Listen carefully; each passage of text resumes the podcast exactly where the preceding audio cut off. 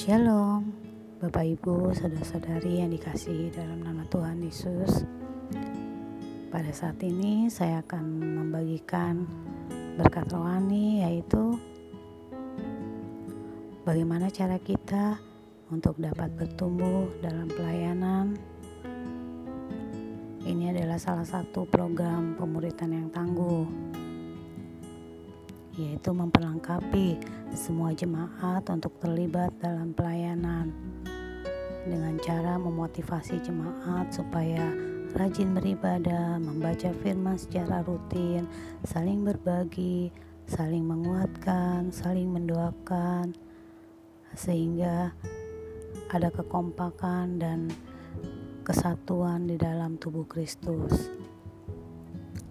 Di dalam Efesus 4 ayat 11 sampai 12 bahwa Tuhan Yesus telah memperlengkapi memberi kita masing-masing talenta untuk melayani pekerjaan Tuhan.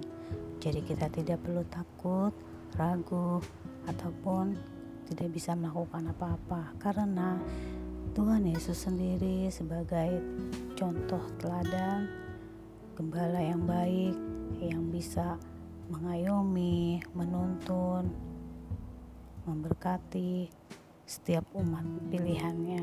Jadi kita tidak perlu ragu untuk melayani Tuhan dimulai dari apa yang kita suka, lalu kemudian apa yang kita suka dan kita bisa. Puji Tuhan. Sehingga target kita dalam bertumbuh dalam pelayanan adalah minimal kita dapat melatih melakukan pelayanan pengembalaan. Yang bukan saja gembala yang melakukan tetapi kita pun bisa melakukannya. Yaitu dengan cara kita memotivasi jemaat untuk tetap setia kepada Tuhan untuk selalu kuat di dalam Tuhan untuk selalu beriman kepada Tuhan dan saling juga mendoakan buat yang sakit berbeban berat. Terima haleluya kita bisa lihat di dalam Yohanes 21 ayat 16. Kata Yesus pula kepada Simon Petrus, "Hai Simon, apakah engkau mengasihi aku?" Jawab Petrus, "Iya benar Tuhan, engkau tahu bahwa aku mengasihi engkau." Kata Yesus kepadanya, "Gembalakanlah domba-dombaku." Haleluya. Tuhan tahu kerinduan setiap umatnya. Untuk itu Tuhan pasti akan melakukan, mengerjakan bagian Tuhan dan kita melakukan bagian kita. Kita juga bisa lihat di dalam 1 Petrus 5 ayat yang kedua. Tuhan Yesus sudah menjadi contoh yang tepat sebagai gembala yang baik. Dan kita adalah domba-dombanya.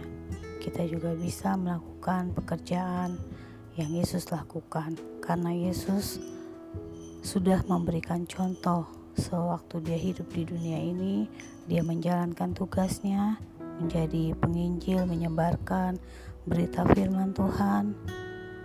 Dan pada saat waktunya tiba Tuhan Yesus sudah naik ke surga, tetapi Dia memberikan rohnya kepada kita, roh kudus, untuk kita bisa melayani pekerjaan Tuhan.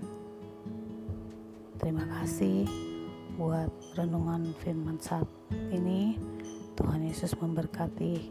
Haleluya. Amin.